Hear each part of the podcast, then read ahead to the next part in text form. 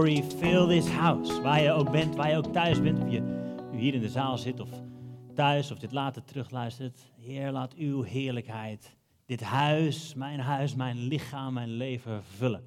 Wat een mooi gebed om samen uit te kunnen zingen. Dank jullie wel, mensen. Top. Yes. Eind februari alweer, 28 februari, de laatste zondag van deze maand. En dit is ook de maand, uh, twee dagen geleden om precies te zijn, dat ik 26 jaar verkering had met Heidi. Jee! Sommige mensen vragen dan aan mij, jong, jij dan drie? Jongens, zie ik er nou ook weer niet uit. Nee, 26 jaar geleden zeiden we ja tegen elkaar. En een paar jaar daarna zijn we getrouwd, maar altijd leuk om daar eventjes op terug te kijken met elkaar. En wie weet levert het wat op. Vorig jaar was het 25 jaar.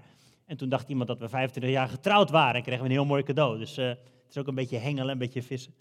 Maar zonder gekheid, super gaaf om daarop terug te kunnen kijken. En uh, ja, super dankbaar voor Heidi natuurlijk. Um, en, en daarnaast, uh, wat ook mooi is, 26 jaar geleden kregen we verkering. Zeven jaar geleden, op 26 februari, dus nu twee dagen terug, afgelopen vrijdag. Zeven jaar geleden begonnen we met de eerste dienst van Connect. Dat is ook iets bijzonders om op terug te kunnen kijken. Zeven jaar geleden, ik weet nog dat we daar in een bovenzaaltje stonden in Cultura.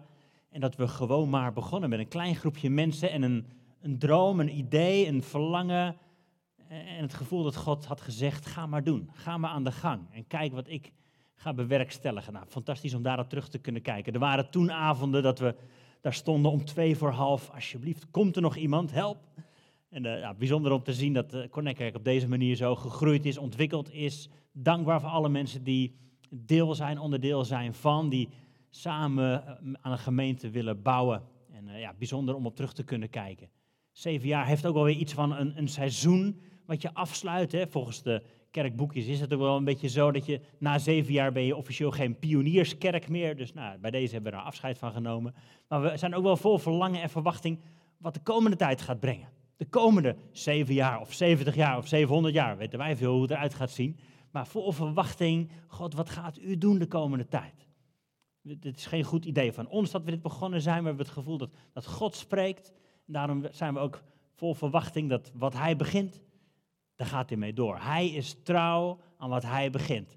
Om zo mooi te zeggen in oud-Nederlands, u laat niet varen de werken van uw handen. En daarom zijn we vol vertrouwen voor de komende tijd. We kijken terug met een dankbaar hart, maar ook vol verwachting naar de komende tijd. En een paar dingen die, die uh, in de afgelopen jaren zeg maar, als woorden uitgesproken zijn, profetische woorden van verschillende mensen, wil ik hier herhalen, omdat ik geloof dat er een nieuw seizoen aanbreekt. Een van de woorden die bijvoorbeeld iemand sprak over ons was, er is een tijd van stroomversnelling die komt. Er is een tijd van stroomversnelling, dat dingen in één keer geaccelereerd worden, sneller zullen gaan, omdat God zijn hand erop heeft en dingen aan het doorduwen is als het ware. En dit zijn de woorden die gebruikt werden. Dat wat vroeger jaren duurde, gaat nu maanden duren. Dat wat vroeger maanden duren, gaat nu weken duren. Dat wat vroeger weken duren, gaat nu dagen duren. Dat wat dagen duren, gaat uren kosten. Dit is de tijd van stroomversnelling, waarin we denken, oh God, we wachten al zo lang, het duurt zo lang, dat God zegt, er komt een tijd van, het gaat sneller. Stroomversnelling. Voor jouw leven, voor ons als gemeente, dat dingen als het ware in een stroomversnelling zullen komen. En we zijn vol verwachting hoe dat eruit gaat zien. En daarom willen we ons ook op die manier klaarmaken voor het werk van de Heilige Geest.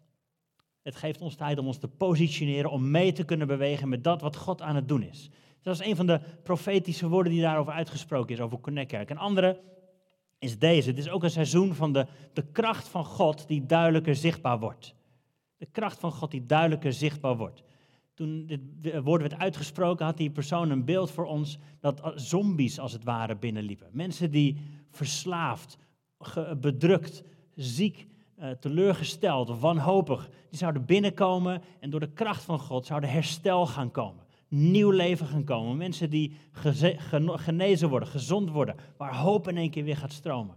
Nieuw leven gaat stromen. Een seizoen waarin de kracht van God duidelijker zichtbaar wordt. Nou, daar kan ik alleen maar ja en amen op zeggen. Meer van u, Heer. Meer van wat u wilt gaan doen. En ook daarvoor willen we ons klaarmaken, ons positioneren. Als het ware alle, alle dingen gaan verzamelen, zodat God het kan, kan vol gaan stromen. Ken dat verhaal uit de Bijbel? Verzamel alle kruiken, zodat je olie kunt gaan opvangen. Nou, zoek het maar op, andere keer meer daarover. Maar daar willen we ons klaar voor gaan maken. En ik hoop dat het iets in een, van een verlangen in jou gaat oproepen ook. En eigenlijk is dat waar ik het vandaag over wil hebben. Dat is mijn doel met deze boodschap voor vandaag. Ik ga er misschien iets langer voor nemen dan we de afgelopen weken gebruikelijk zijn. Dus we doen ook geen tijd van QA vandaag. Maar we willen de tijd nemen om hongerig te worden naar meer van God. Hongerig naar alles wat Hij voor ons heeft weggelegd. Ik hoop dat je daar klaar voor bent. Een zaadje van verlangen wil ik planten.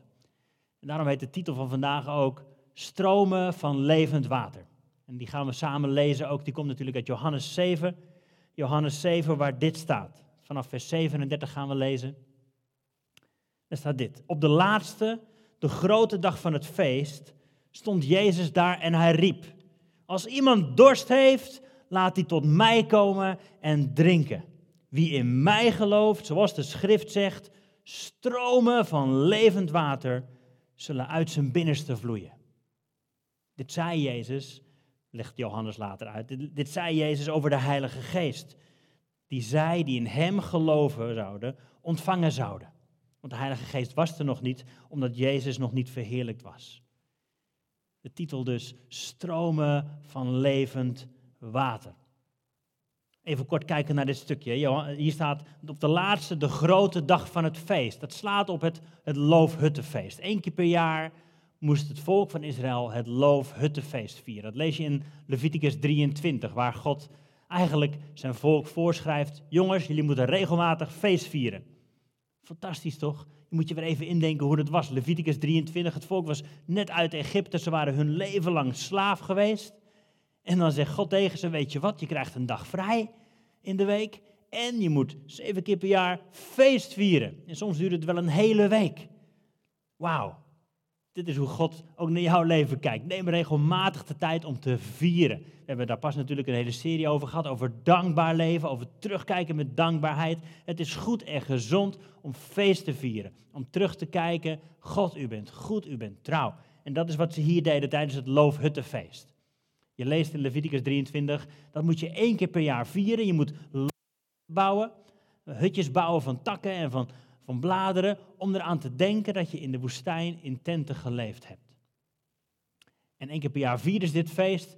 En hier staat op de laatste, de grote dag van het feest, stond Jezus daar. Nou, moet je weten dat wat gebruikelijk was, is dat tijdens die laatste dag dat het, het volk uitliep en van de tempel gingen ze naar de, de poel van Siloam, net aan de buitenkant daar zo bij Jeruzalem. En ze liepen daar allemaal achteraan. Het was feest. Een van de oude rabbies zei, als je nog nooit een loofhuttenfeest hebt meegemaakt, dan heb je nog nooit een feest meegemaakt. Het was een hoogtepunt van het jaar. Er was muziek, er was dansen, er was joelen, er was schreeuwen, er was feest.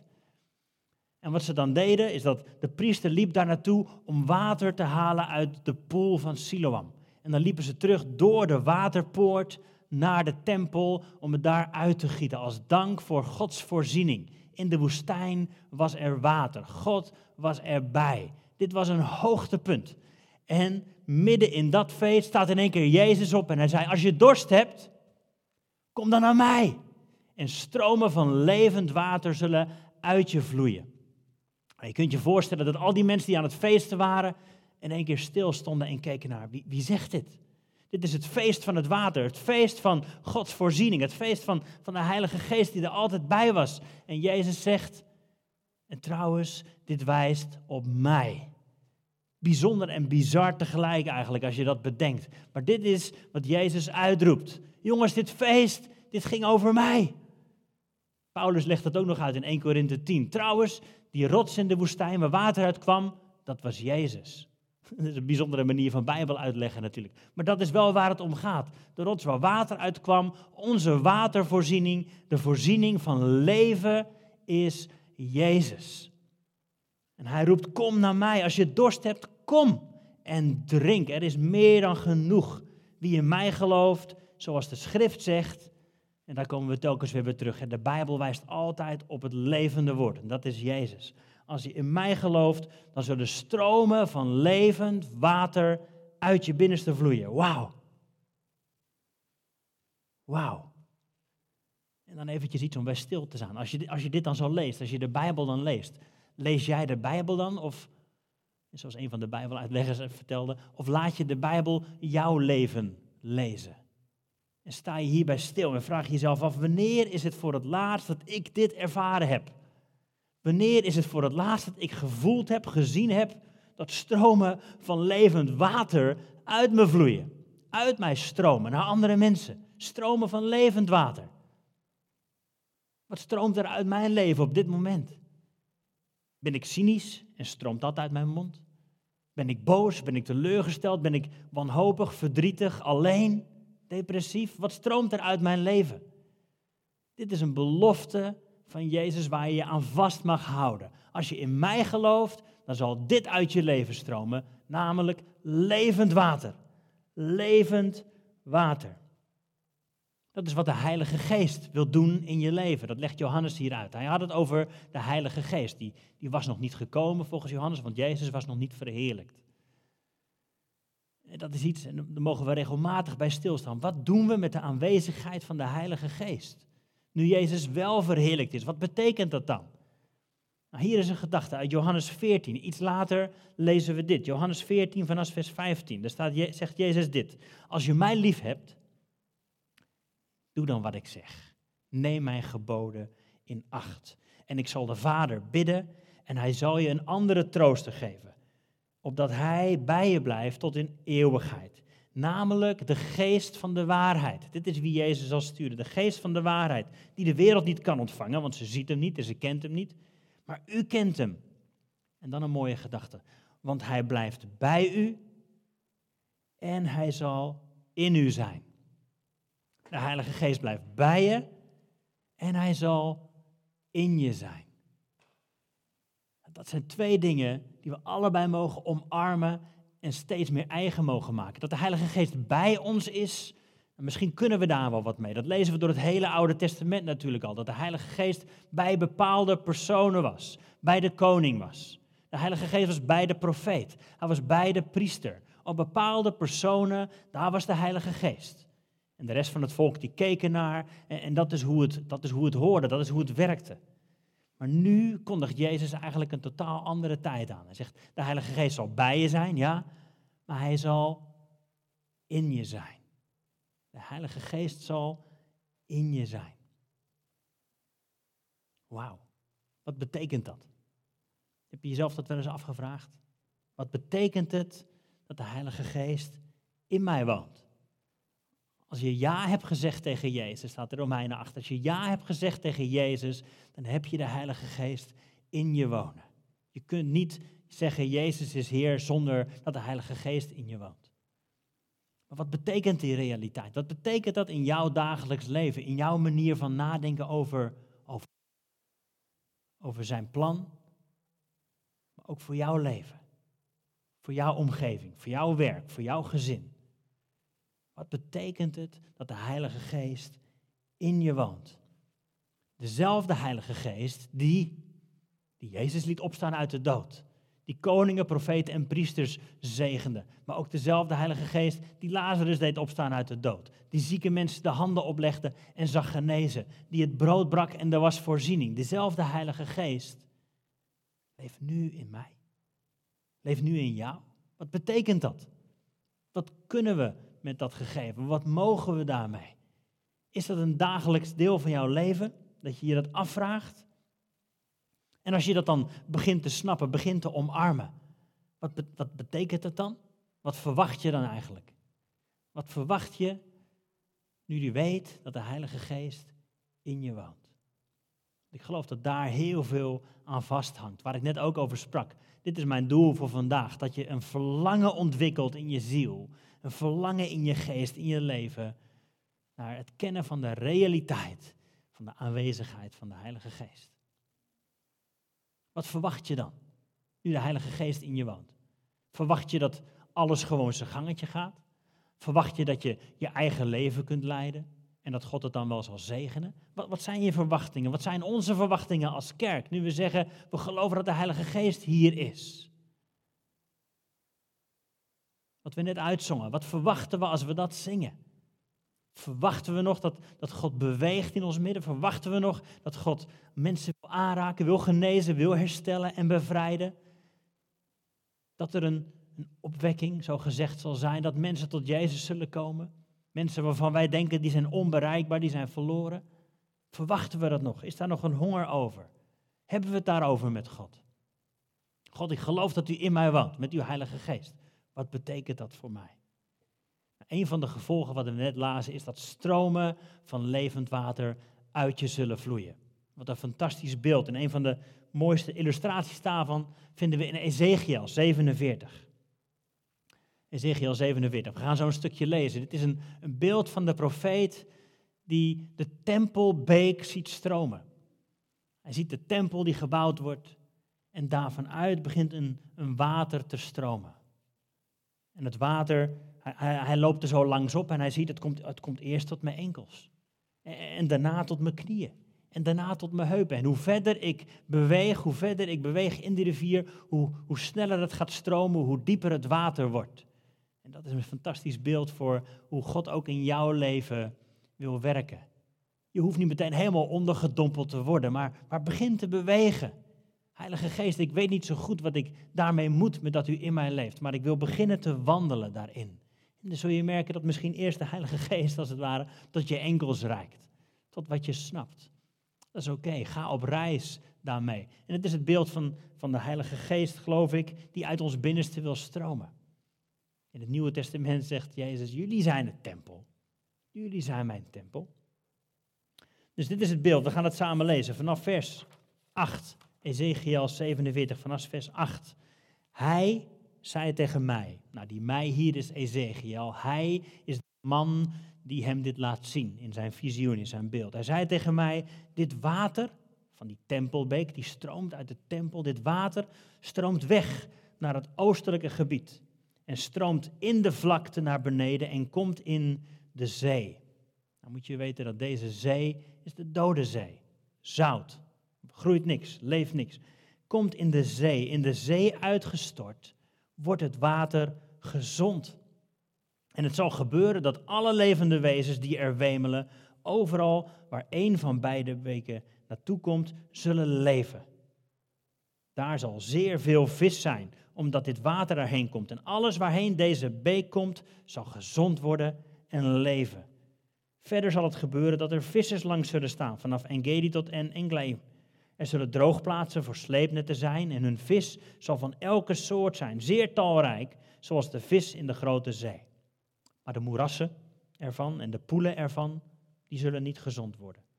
Ze zijn aan het zout prijsgegeven. En langs de beek, langs de oever daarvan, zullen aan deze kant en aan de andere kant allerlei vruchtbomen opkomen, waarvan het blad niet zal verwelken en waarvan het vrucht niet zal opraken. Elke maand zullen ze nieuwe vruchten voortbrengen, want het water ervoor stroomt uit het heiligdom.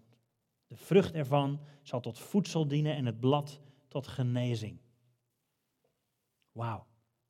Laat dit een fantastisch beeld zijn van wat het betekent als, als de Heilige Geest, als stromen van levend water uit ons zullen stromen. Een paar dingen worden erover gezegd. Overal waar dit water komt, overal waar die stromen van levend water komen uit jouw binnenste, daar wordt het gezond. Ook al stroomt het naar de dode zee, als het ware. Ook al stroomt het naar plekken op je werk, in je familie, in je gezin, in je relaties, in omstandigheden waar het dood lijkt, waar het door lijkt, waar niets van God lijkt te groeien. Waar de stromen van levend water uit jouw leven gaan stromen, zal het gezond worden. Zal leven kunnen gaan komen. Wauw, dat is een belofte voor jouw leven. Er zal vis zijn.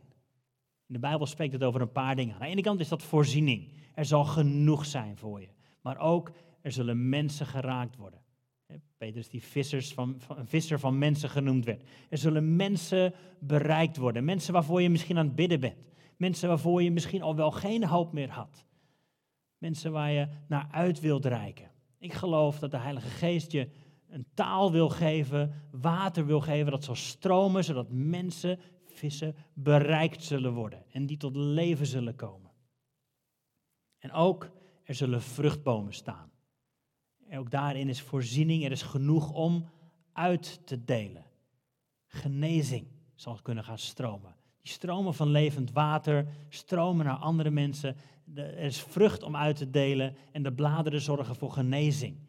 Ik hoop dat dit iets van verlangen, van verwachting in je leven oproept. God, dit wil ik ook. Waar ik kom, wil ik dat stromen van levend water uit mij stromen naar andere mensen om me heen. Ik verlang ernaar om mensen hoop uit te delen, om ze te geven waar ze ten diepste naar verlangen. Ik weet nu nog niet hoe dat moet, maar ik geloof dat u me de woorden wilt geven die aansluiten bij daar waar mensen nu zijn. Ik verlang daarnaar. Wilt u mij daarbij helpen? Wilt u mij die stromen laten zien? Hoe werkt dat? Want de Heilige Geest die uit je stroomt, dat zeggen we hier vaker, het is altijd missionair. God heeft een doel en dat is deze wereld bereiken. Jouw wereld bereiken. Dat zien we al terug in Handelingen 2. De allereerste keer dat de Heilige Geest wordt uitgestort over de discipelen. Dan zie je dat daar duizenden mensen bereikt worden. Hoe? Door tongen staat er dan in onze Bijbel. Dat betekent zoiets als talen. Iedereen wordt bereikt met zijn eigen taal. Iedereen, alle volken worden bereikt met hun eigen taal. En ik geloof dat, dat we dat ook op deze manier mogen lezen. Dat, dat jouw werk wordt bereikt door de taal die jij gaat spreken. Ik geloof dat God je tools wil geven, manieren wil geven om aan te sluiten bij dat wat mensen kunnen snappen. Jouw omgeving ziet er anders uit dan mijn omgeving. Jouw familie is anders dan mijn familie. Jouw vrienden, jouw voetbalclub, je school, waar je ook komt. Ze spreken een andere taal. Maar ik geloof dat die stromen van levend water woorden zullen zijn die mensen zullen gaan raken. Dat het zal binnenkomen bij ze. Dat het zal stromen vanuit jouw leven naar hun leven en dat mensen bereikt zullen worden. Ik hoop dat het iets in je oproept van verlangen, van verwachting. Ja, God, ik verwacht dat van u. Ik verwacht dat als ik ergens binnenkom, dan kom ik niet alleen binnen, dan komt de aanwezigheid van God zelf binnen. Niet omdat ik zo goed ben, want ik snap er soms geen fluit van, maar omdat u in mij leeft. Ik ben een drager van Gods heerlijkheid. En dat wil ik leren om op een goede manier te gaan doen. De gave van de Heilige Geest. Heel kort daarover twee dingetjes. De gave en de gaven van de Heilige Geest. Ik zei het al, als je Jezus aanneemt als Heer, dan ontvang je daarmee de Heilige Geest. Romeinen, onder andere is dat duidelijk over. Romeinen 8 zegt Paulus dat als je Jezus aanroept, ontvang je de Heilige Geest. Je kunt dat niet zonder de Heilige Geest doen. Maar daarnaast ook, bijvoorbeeld in Handelingen, zie je dat het boek vol staat met mensen die wel het woord hadden ontvangen, die wel Jezus hadden ontvangen, maar nog niet gedoopt waren in de Heilige Geest. En dat zie je continu gebeuren. Zelfs mensen die al de Heilige Geest ontvangen hadden, worden ook weer vervuld van de Heilige Geest. Dit heeft iets te maken met, zijn we ontvankelijk? Zijn we open? Zijn we, waar ik net mee begon ook, hebben we ons op die manier gepositioneerd? Zijn we ontvankelijk voor dat wat God wil geven? Mag Hij door ons heen stromen? Vorige week had, Tom het over uh, de bodem waarin gezaaid wordt. Weet je nog, de rotsen die uit ons leven gehaald mogen worden soms. Dit is ook wat de Heilige Geest wil doen. Als die door je heen stroomt, zullen dat soort dingen opgeruimd worden. Op die manier willen we Hem ook kennen. We willen Hem begrijpen, maar we willen Hem kennen, intiem kennen, diep van binnen. De gave van de Heilige Geest. Heb je voor je laten bidden? Joffrey zei dat net, Gabrielle zit thuis klaar om voor je te bidden. Zoek mensen op. Zoek mensen op die voor je kunnen bidden. Ga naar een connectgroep, sluit binnenkort aan bij InterConnect. Rijk uit naar je vrienden, mensen die af en toe voor je kunnen bidden. Heer, vul hem, vul haar opnieuw met uw Heilige Geest. We hebben het nodig om opnieuw en opnieuw en opnieuw zijn geest te ontvangen. Om te kunnen blijven stromen. Wat we net ook lazen. De moerassen en de poelen ervan, staat er in Ezekiel, die zullen niet gezond worden. Als we stilstaand water worden, zo gezegd, als we niet uitdelen, als we niet ontvangen en doorgeven, dan worden we een moeras, een stilstaande poel. En dat is niet gezond. We willen blijven stromen, stromen. Levend water moet blijven stromen door ons heen.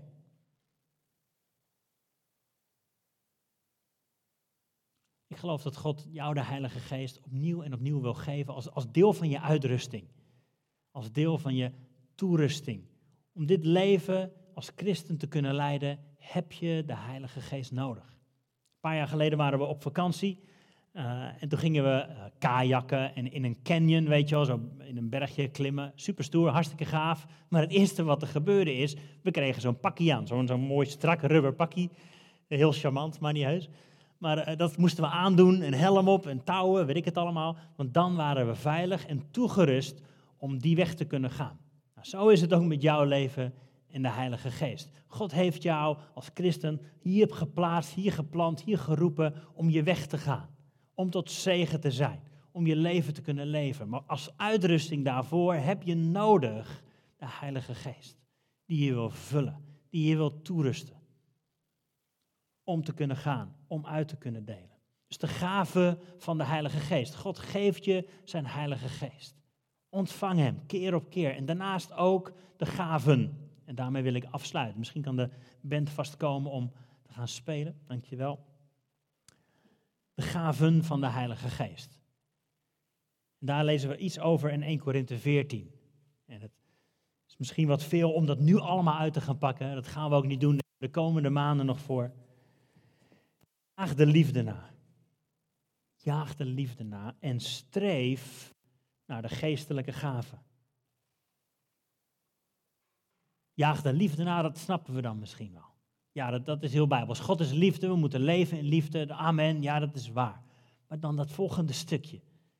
Wat doen we daarmee? Streef naar de geestelijke gaven. Hoe doen we dat? Misschien je het voorbeeld wel. Ik heb het wel eens gevraagd. Jongens, doe eens allemaal je handen omhoog, gewoon helemaal ver omhoog. Ja, even je handen helemaal omhoog. Ja, ja. En dan nog vijf centimeter erbij. Oeh, kan eigenlijk best. Vaak hebben we misschien onze handen wel omhoog. Ja, God, we willen wel iets van uw geest. Maar dan die vijf centimeter erbij. Kom op, we kunnen nog veel meer uitstrekken, streven naar de geestelijke gaven. En vooral daarnaar dat u mag profiteren. Hoe gaan we daarmee om? Hier zet Paulus twee dingen naast elkaar. Wie namelijk in een andere taal spreekt, in tongen, oud Pinkster Nederlands. Wie namelijk in een andere taal spreekt, spreekt niet tot mensen, maar tot God.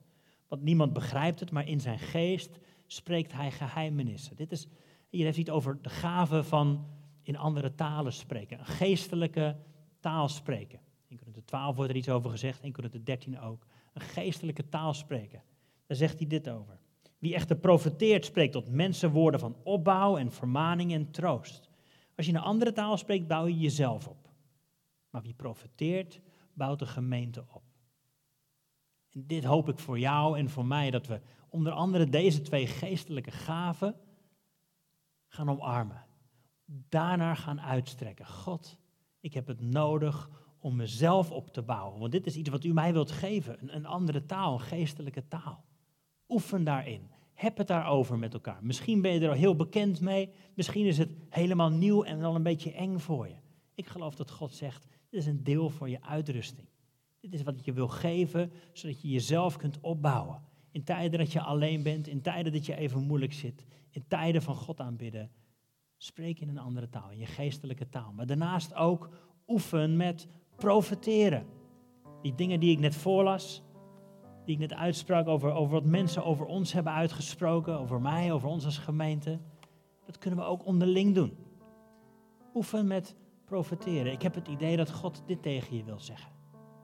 Hoe bemoedigend is, is dat als iemand naar je toe komt en die zegt: Ik heb voor je gebeden en ik geloof dat God dit tegen je wil zeggen. Oefen daarmee. Dit is deel van onze uitrusting. Dit is deel van wat het betekent dat stromen van levend water door ons heen gaan. Ik wil graag een tijd van gebed nemen. Terwijl we straks het volgende lied gaan zingen. Holy Spirit, you are welcome here. Wil ik je vragen, als je dit zo meekijkt, om, om daar proberen een tijd voor te nemen. Om opnieuw zijn Heilige Geest te ontvangen. Heer, u nodigt mij uit. Jezus, u zegt dat in Johannes, wat we net lazen. Als je dorst hebt, kom en drink. En stromen van levend water zullen uit je binnenste vloeien. Ik verlang ernaar. We verlangen ernaar. Dat stromen van levend water, stromen van uw geest uit ons zullen stromen. Dat overal waar we binnenlopen, overal waar we mensen spreken, dat er, dat er hoop en leven en genezing en herstel gaat stromen. Maar dat begint bij, bij mij. En dat willen we doen.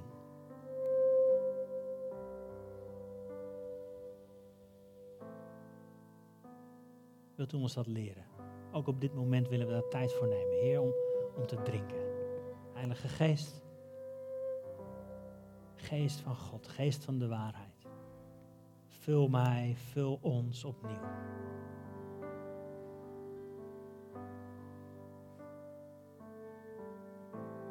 Natuurlijk zijn we ons er bewust van dat alles digitaal is en achter een schermpje is, maar u bent daaraan niet gebonden. Ook op dit moment kunt u ons aanraken. Ons drukke gezinsleven thuis, alleen op de bank. Heilige Geest, vul mij opnieuw.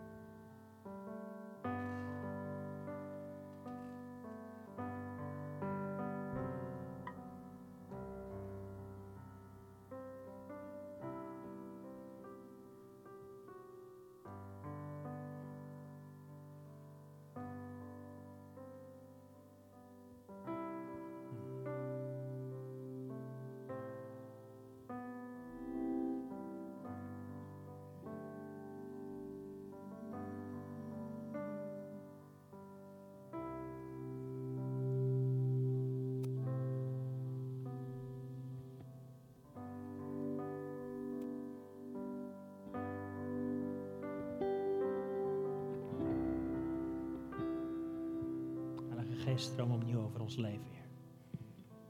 Het voelt alsof we dorstige grond kunnen zijn. Van die harde grond met, met van die scheuren erin. Het is droog. Maar ik zie als het ware dat er water over stromen. Over al die plekken in ons leven waarvan nog wat groeien.